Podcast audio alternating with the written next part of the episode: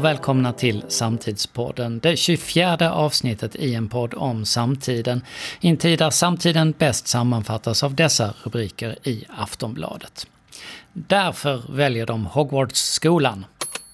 Ronja nekades jobbet på grund av sina läppar. Fladdermuskvinnan talar ut. Och Ulla, 74, får inte gå på Allsången. Och jag som tänker att Ulla, ja men det där är ju bara positivt. Jag heter Anders Milner och med mig in i refrängen har jag precis som vanligt Jasmin Aran Moder. Så roliga rubriker, man vill ju läsa allt om detta direkt. Och vi, vi hoppar rakt in i veckans medieflöde.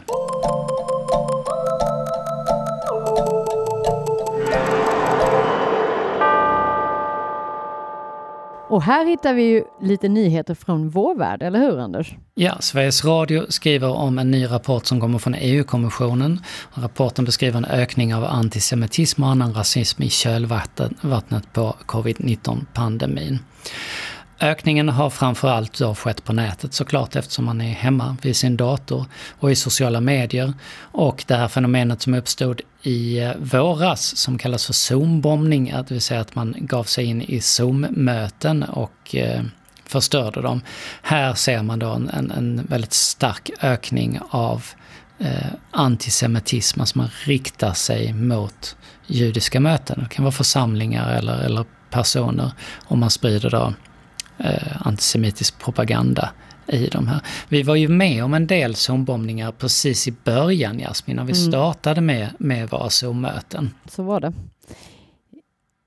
Det som hände ju, och kanske händer fortfarande, det är ju att eh, många möten är ju öppna. Mm. Man bjuder in folk och det är klart att det är svårt att se exakt vem de är och vad de tänker säga och göra. Det har vi ju också upplevt live, så man ska inte glömma det att det händer ju också om man registrerar sig för någonting och man kommer in. Vi kan ju inte garantera att det inte helt plötsligt sitter någon i publiken och ställer en helt vansinnig eh, rasistisk eller antisemitisk fråga, eller hur? Nej, nej, det nej. kan ju hända. Va? Eh, det som hände vid något tillfälle var ju att någon började bara vrålskrika Just det. Så alla fick väl liksom hörselskador på köpet. Mm. Och det som då ju blev ju väldigt komiskt var att man genast trodde att alla, alla bara eh, liksom kom in i, i respektive eh, dator och alla tänkte att nu, jag, jag har, nu har de kommit åt alla mina dokument. Och man bara, fast det var bara någon som kom in på mötet. Nu tror jag att vi har lärt oss hur vi säkrar ja, ganska. Ganska snabbt så, så, så börjar ju folk faktiskt använda lösenord. Ja. För vad som hände här, det ska man ju komma ihåg, det är att folk lägger ut en länk. Vi kommer ha mm. möte klockan 12 på mm. fredag. Här är länken och klickar på den kommer du rakt in i mötet. Precis.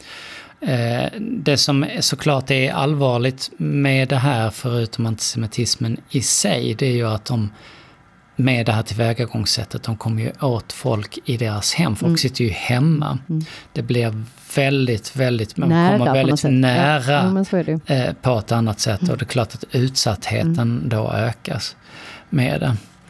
Men jag tror ju, jag tror ändå man ska tänka lite det här att, att liksom tänka som om det är ett livemöte, att vara lite liksom om sig kring sig, hur man vill ha det och eh, liksom vara tydlig med hur en, en eh, liksom, registrering ser ut. Ska man ha lösenord eller inte? Och väljer man inte, då, då måste man ju förhålla sig till det. Och för att även om du har en registrering med lösenord och allting, det kan ju fortfarande vara så att folk anmäler sig. Du har ingen aning. Så du kan ju ha gett lösenord till en galenpanna. Och här är en bra sak såklart att ha någon som är facilitator som sitter och är, är beredd att hantera publiken. Ja. Både hjälpa dem, som publiken på vanligt sätt men faktiskt också om det skulle stänga av, det... stänga av och ja. slänga, slänga ja. ut någon.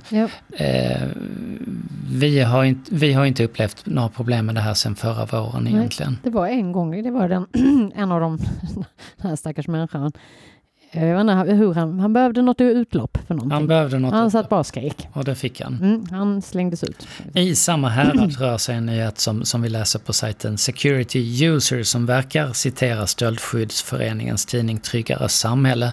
Och de skriver om problematik som ligger på vänt, nämligen deepfake-problematiken. Och det här är ju då att man kan ta någons digitala ansikte så, så, att säga och klistra den på sitt eget så att på en video ser det ut som att jag skulle kunna se ut precis som du Jasmin i en video nu. Den tekniken finns. Många använder ju det här till att göra små kul videos på Insta och TikTok sådär att man byter ut sitt ansikte mot en kändis i en film. Mm. Och eh, här eh, så ser man att när det gäller möten så kan det här bli nästa steg. Och en säkerhetskonsult och författare som heter Åsa Svart säger så här. Om personen i bild ser ut precis som ditt företags VD och låter precis som ditt företags VD. Kommer du då tveka att göra den där överföringen av pengar som VDn ber om? Mm. Hon säger att det första ljudbedrägeriet som jag känner till är två år gammalt.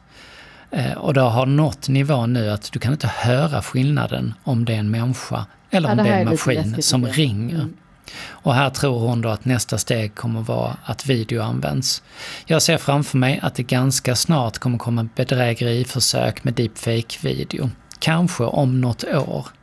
Jag tror att vi är på väg in i en situation där vi snart kommer bli uppringda på Teams och vi kommer tro att det är en person vi känner igen men i själva verket är det då någon annan. Vem kan då komma att drabbas av det här? Hon tror att antingen är det måltavlor där man kan tjäna väldigt, väldigt mycket pengar eller så är det äldre och datorovana mm. personer. Då kan man ju låta som en släkting eller, eller så vidare. Och eh, klart, ja men det här är ju tillsammans med den övriga deepfake-problematiken där vi faktiskt inte, kanske inte kan lita på nyheter längre. För det, vi, det kan ju lika gärna vara en deepfake-video som en, en, eh, en video med eh, Joe Biden. Precis. Det är väldigt svårt, att, eller går ja. inte att avgöra. Mm. Så att här har vi ju någonting som, mm. som, som vi får hoppas att den tekniska utvecklingen på bolagen som, som plattformsbolagen svarar upp mot.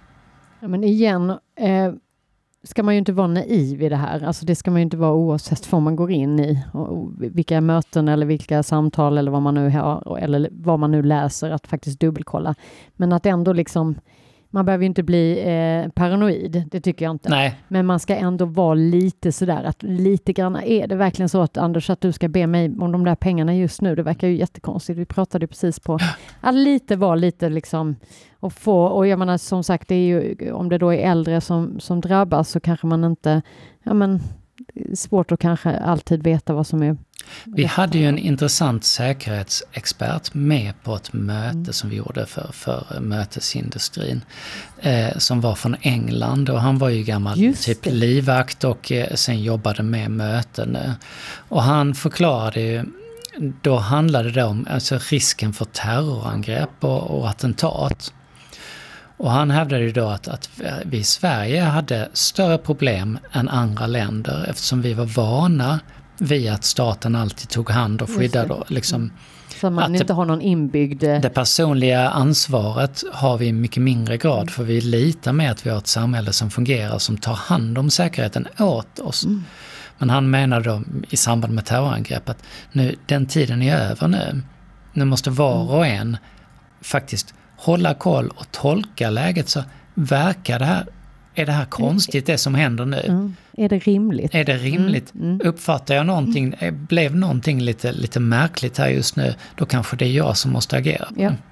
Utan att vi börjar bli paranoida. Utan, och ja. att vi har de här förutfattade meningarna. Kombon är ju dålig. Va? Ja. Förutfattade meningar, paranoia, helt plötsligt börja se eh, misstänkt på För då kan vi se saker i, ja, ja, i, Så gör överallt. inte det, men var lite liksom lite street smart, skulle jag säga. Ja, Tänk det, lite. det får vi nog leva med mm. oavsett vilken mm. värld vi, Så är det vi, ju vi, är, som det vi är i. Ja. Plussidan där kan man ju säga då att, att eh, alla ni som sitter på tråkiga möten, ja men tänk er vad skönt om ni har en deepfake-variant av er själv som helt gratis bara oj, sitter och är med. Om du säger nu, när man tänker på det så kunde man ju slänga in... Anders, är du med här nu då? Ja, absolut är jag det. Okay. Egentligen ligger jag på stranden. Exakt.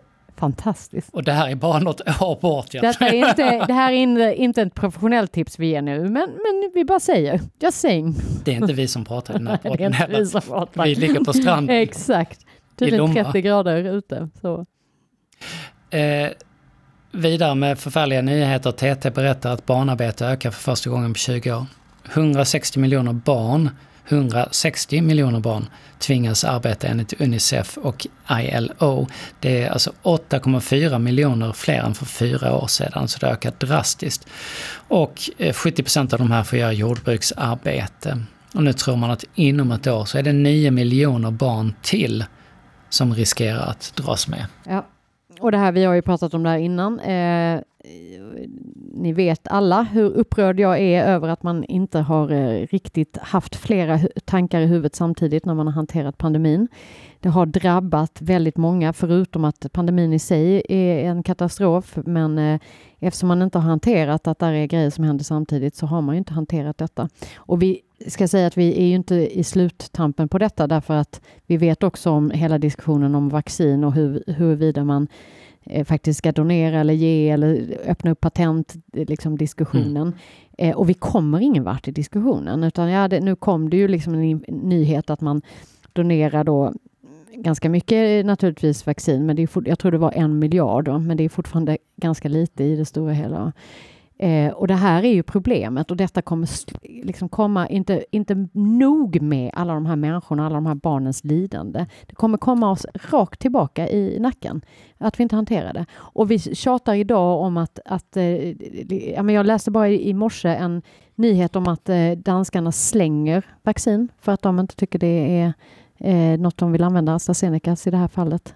Jag bara känner lite så här, vi måste ta ett mm. helhetsgrepp om den här diskussionen. Vi gör det inte. Och jag säger lite som Greta, skam på de som sitter och bestämmer om det. Mm.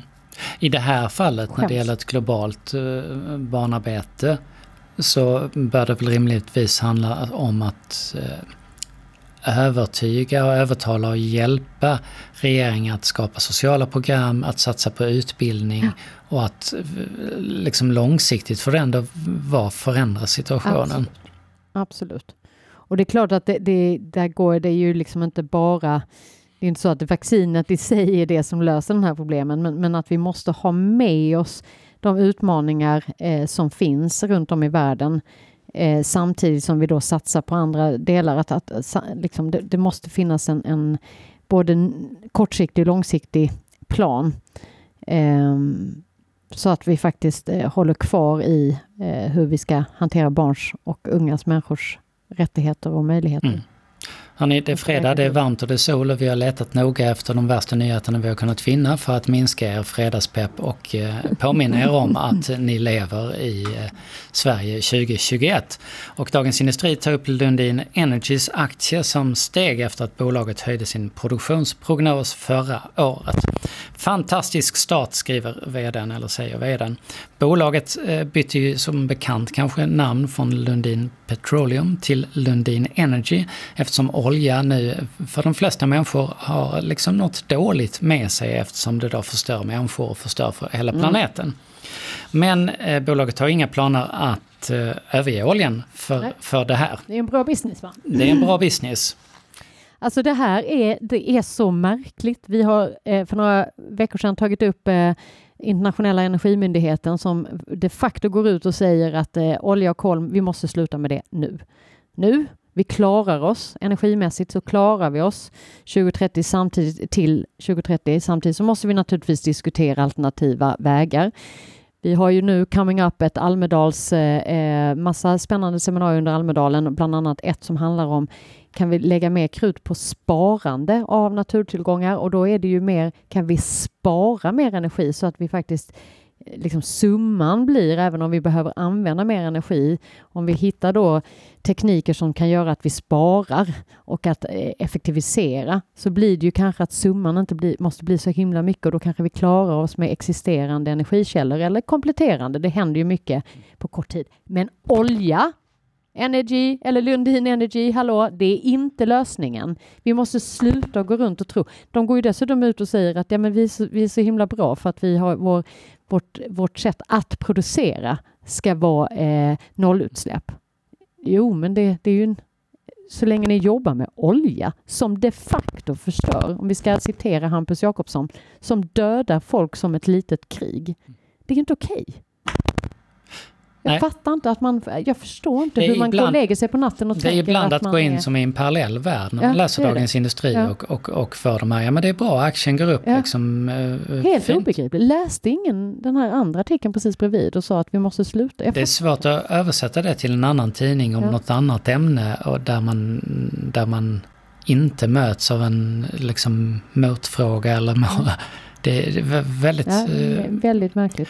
märkligt.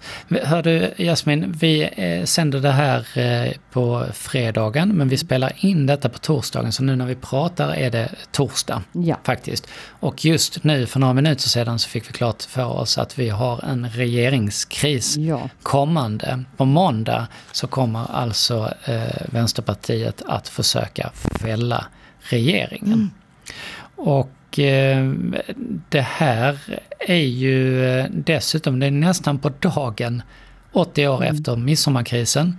Som var den kris som inträffade när eh, Tyskland gick till angrepp mot Sovjet under andra världskriget. Och samma dag så begärde Tyskland och Finland att Tyskland ska få skeppa 15 000 man, tror jag det är, från Norge genom Sverige till Finland för att då hjälpa till att fortsätta slåss mot Sovjet där. Och finnarna, som då är neutrala i konflikten mellan Tyskland och England och Frankrike och de andra, är ju inte neutrala mot Sovjet Nej. som man då krigar mot och tar gärna tyskarnas hjälp. Och Sverige står då i positionen att man, vad ska vi göra? Om vi säger nej till det här kommer vi kanske bli angripna. Och då får vi den så kallade midsommarkrisen som Per Albin Hansson lotsar igenom samlingsregeringen och till sist så eh, godkänns då eh, den här eh, truppförflyttningen och med en liten dold hänvisning till kungen. Mm. Att det fanns ett hot där som man är osäker på om det fanns egentligen. Att kungen skulle avgå om vi inte tillät eh, de tyska trupperna att, att åka igenom. Och det här blir liksom då, tror jag nog, sista gången då som vi tillåter den här eh, truppförflyttningen. Och nu är vi inne i en ny kris. Det har ju ingenting alls att göra med midsommarkrisen. Men dra- det är i stort sett samma- på dagen. Det är en dag Ja. efter, 80 år Ja. efter. Så att det, Ja. det är svårt att inte se Och det kan ju mycket väl bli en, eh, men, framförallt en liknande efterdebatt. Vad Är vi- det här ja. rätt att göra eller inte? Och vad vi har är ju, alltså, vi har ju en samlingsregering under kriget som där en socialdemokratisk statsminister försöker lotsa politiken igenom högern och vänstern som man själv är idag Mm. och försöker klara av det. Nu har vi ju ett konstigt eh, regeringsunderlag För där eh, det här handlar om överenskommelser med Liberalerna och Centern. Mm. Ja, och Miljöpartiet är ju med i denna. Ja, Det ska man ju vara Precis. tydlig med. Det är ju inte en, eh, jag, jag hörde på presskonferensen att det blev helt plötsligt en centerpartistiskt eh, driven eh, reform. Ja, det är ju fler med. Mm. I det ska man ju också bara vara helt medveten Men det om. finns ju en deal, gammal deal sen, Ja, ja, ja, sen, sen ligger- jan, januariöverenskommelsen. Det här att försöka eh, liksom navigera i detta, det är ju samma som för 80 år sedan. Det kan man ju... Det är ju ett knepigt läge. Mm. Och vad kan man då säga om det här? Vi vet ju inte vad som händer. Nej, men det är ju Eh, allvarligt såklart. Ja, och antingen så klarar man sig på något sätt att, att baxa igenom detta. Mm. Eller så eh, det kan ju bli nyval. Till exempel, vi kan ju få en ny regering. Mm. Den kan se ut som den här men den kan ju också eh, bli en M, KD, SD eh. Mm. Vilket är ju vad Vänsterpartiet absolut inte vill. Nej, men det är ju därför det här är ju inte, det här är ju inte något... Det är en, en intressant, ett intressant ställningstagande. För det är klart att de riskerar väldigt, väldigt mycket. Eh, jag tycker det är ju läskigt för, på- på många sätt, för om det skulle bli ett nyval så är ju risken att kanske SD får en ganska stor makt i det här. Mm. Det tycker inte jag är särskilt trevligt personligen. Eh, och att vi har ett oroligt läge som det är. Alltså det är, det är ganska mycket viktiga frågor i, i liksom framåt. Vi har ett val om ett år. Kanske lite skulle kunna låta den... Jag uppfattar det här ganska mycket som en Stockholmsfråga. Mm. Vi pratar ju ofta om att, att Stockholm är, är, är, präglar liksom den, den rikspolitiken och regeringens arbete. Eh, Stockholm är såklart den mest knepigaste Mm. bostadssituationen. Även vi som bor i Lund kan, kan ju ha en väldigt knepig bostadssituation där såklart. Eh, men i Stockholm är det, är det ju väldigt mycket större. Mm. Det, det, är ju, det är ju konstigt att vi inte lyckas lösa bostadsfrågan på all det, alltså alla år som gått sedan miljonprogrammet mm. så lyckas vi fortfarande inte lösa det. Ja, men jag, det, jag förstår ju att den är eh, otroligt komplex. Jag kan ju då liksom lite granna eh, tillbaka liksom i, i min eh, historia, eller på säga, men så kan man ju ändå slås av, av andra eh, länder eh, som stundvis har jättedålig, alltså mycket sämre och kanske mer skev, men i vissa sammanhang mycket enklare att få mm. bostad. Jag har haft en bror som har bott i Vancouver. Det var liksom inte, han kunde få en lägenhet på en kvart mitt i centrala för inga pengar. Amsterdam likadant, inte alls särskilt svårt. Varför är det så? Vad är det som har gjort att det har, vi har på något sätt målat in oss i något hörn? Det är någonting och jag, ibland när man lyssnar på samtalet mm. så känns det mer prestige och fastlåsta positioner än att man faktiskt måste börja liksom fundera på okej, okay, om vi bara hade börjat på noll idag, mm. hur hade detta kunnat se ut? Så att det faktiskt blir tillgängligt och bra för alla. Jag tror vi hade kunnat hitta en lösning, men det är precis som att vi låser oss fast vid något. Så här har det alltid sett ut. Men jag tror också, ja, jag tror också att, att folk i Stockholm är så djupt ingrodda i den här problematiken och har varit med om så mm. sjuka saker, de flesta människor, mm. Mm. för att bara få lov att bo. Att man, man, man har svårt att rensa bordet och säga vad tar vi ja. från början. Nej, men så, så, så, är det ju. Och sen finns det ju en verklighet att, att mitt liv eller min, mitt boende står på spel kanske eller så. Men, eh, men jag, ja, jag tycker ju personligen inte det, det har inte fungerat eh, de senaste åren, så kan man väl säga. Mm. Eh, det har liksom inte, lite granna så kan man ju liksom när man lyssnar på Vänsterpartiets eh, partiledare så, så i, i, att det har, alltid har funkat väldigt bra. Det, det, kan man väl ändå, eller jag kan väl ändå känna att det, det har det väl inte gjort någon gång. Nej.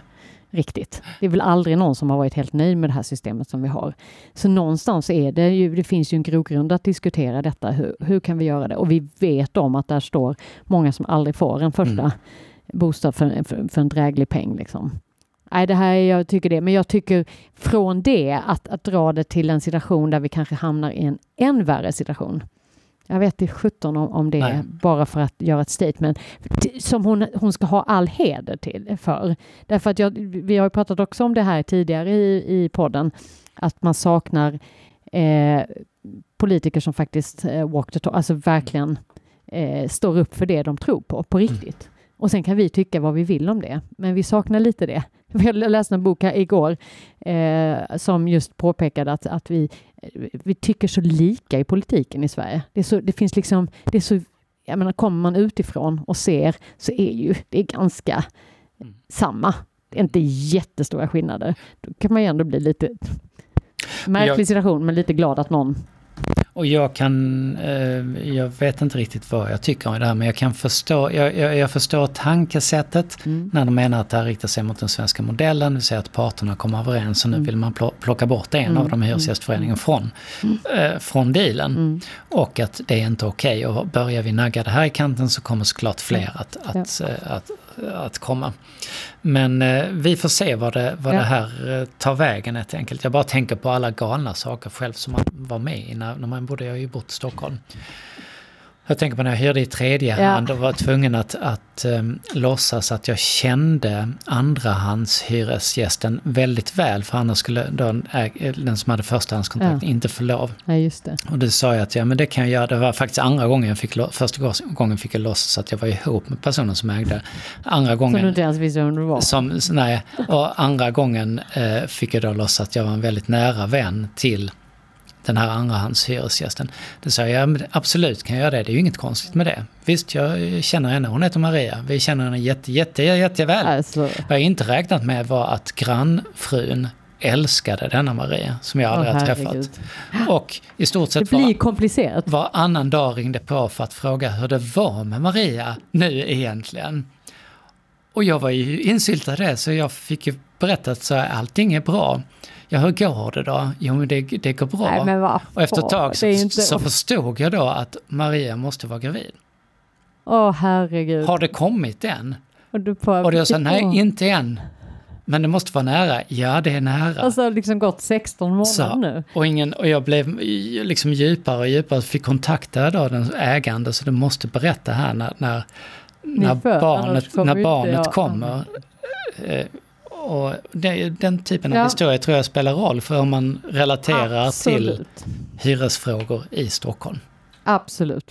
Och jag tror att det finns en uppsjö av sådana historier. Det gör det, vi kan Det återkomma. blir, inte, det blir inte enklare i den här debatten. Jag har många, många fler Mm. kan jag säga. Den kan, jag vi- har kan vi delge. det här. kan Vi, jag- vi återkommer nästa vecka när Ja. vi, när vi vet hur det går med eh, misstroendeomröstningen. Yes. Och därmed så lämnar vi veckans medieflöde.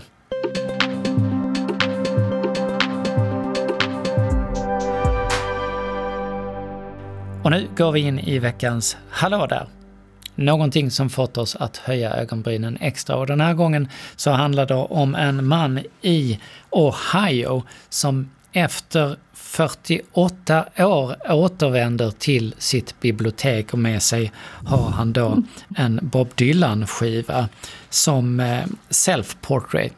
Har du hört den Jasmin? Den är från Det har jag nog eh, gjort, som jag har lyssnat en hel del på Bob. Och eh, han har då haft den så här men nu drabbades han av dåligt samvete och skickade tillbaka den tillsammans med lite pengar och en egen inspelning som han då som bonus la till och sa förlåt mig eh, men eh, nu får ni tillbaka den här Bob Dylan-skivan.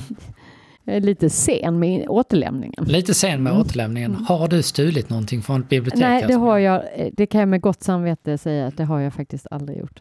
Har du? Det har jag. Har du? Vad har du då? Ja, jag har stulit en bok från ett Nej. bibliotek. Med flit? Med flit. För att? Och nu jobbar vi ju mycket med biblioteksfrågor. Så, då att, så, att, få... så att jag har ett försvar. Ja, okej. Berätta det Faktiskt. försvaret. Och det här var när jag gjorde lumpen. Ja. Och man hade i Hässleholm på, på eh, Tajfyra som det hette. Där hade man lagt ner biblioteket för man tyckte att så, äh, vad skit, det, det präglade Läsning. ganska Ja. mycket. Men Sånt med biblioteket fanns kvar. Mm. Bara det att ingen fick gå in där. Ja.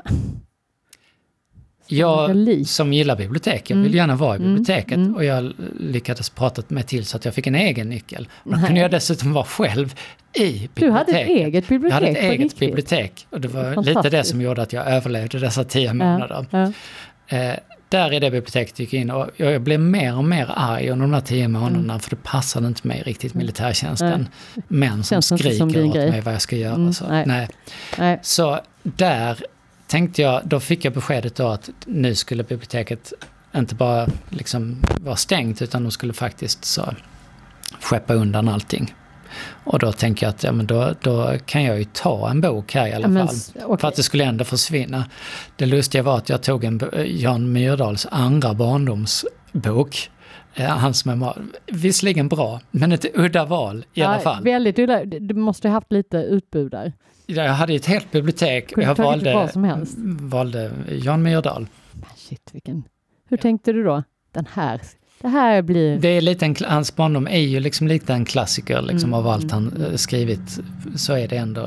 Jo, men så. absolut. Men vad gjorde de med alla böcker? Eller de, släng, brändes de Ingen upp? eller? dem sköt För- sönder dem kanske. Nej, Det- men jag det- tror ju på, det- tyvärr, ja. böcker har ju tyvärr inte något värde. Ja. Det kan ju mycket väl vara så att de... Så då behöver du inte ha så dåligt samvete. Jag kan Det inte var det. lämna tillbaka den, det är det jag vill komma till. Jag kan inte göra som den här mannen för biblioteket finns ju inte Nej. kvar. Regementet det finns ju inte ens annan. kvar. Det finns en företagshotell eh, eh, hotell där. Så att, men den står fortfarande i min bokhylla och lyser av skammen. Det kanske är någon något annat bibliotek som lyssnar på det här och säger ja men då kan du, du kan kompensera genom att ge den till oss. Då skickar Ja, då jag en ni Myrdal direkt. Ja. Hör av er så får ni en Jan Myrdal. pocket. När ni lyssnar på det här är det fredagen den 18 maj och idag 1815 då blir Napoleon besegrad i Waterloo. 1940 så håller Charles de Gaulle tal till fransmännen första gången från BBC i London. 1942 idag fylls, eh, föds Paul McCartney, grattis Paul. Och 18 juni 1948 då startar produktionen av eh, 33-varvsskivan eh, för första gången. Det var faktiskt allt för oss idag. Du har lyssnat på Samtidspodden som produceras av Altitude Meetings och ni kan läsa mer om oss på altitudemeetings.se och vi ses igen om en vecka. Till dess, så ha det så bra. Hej då!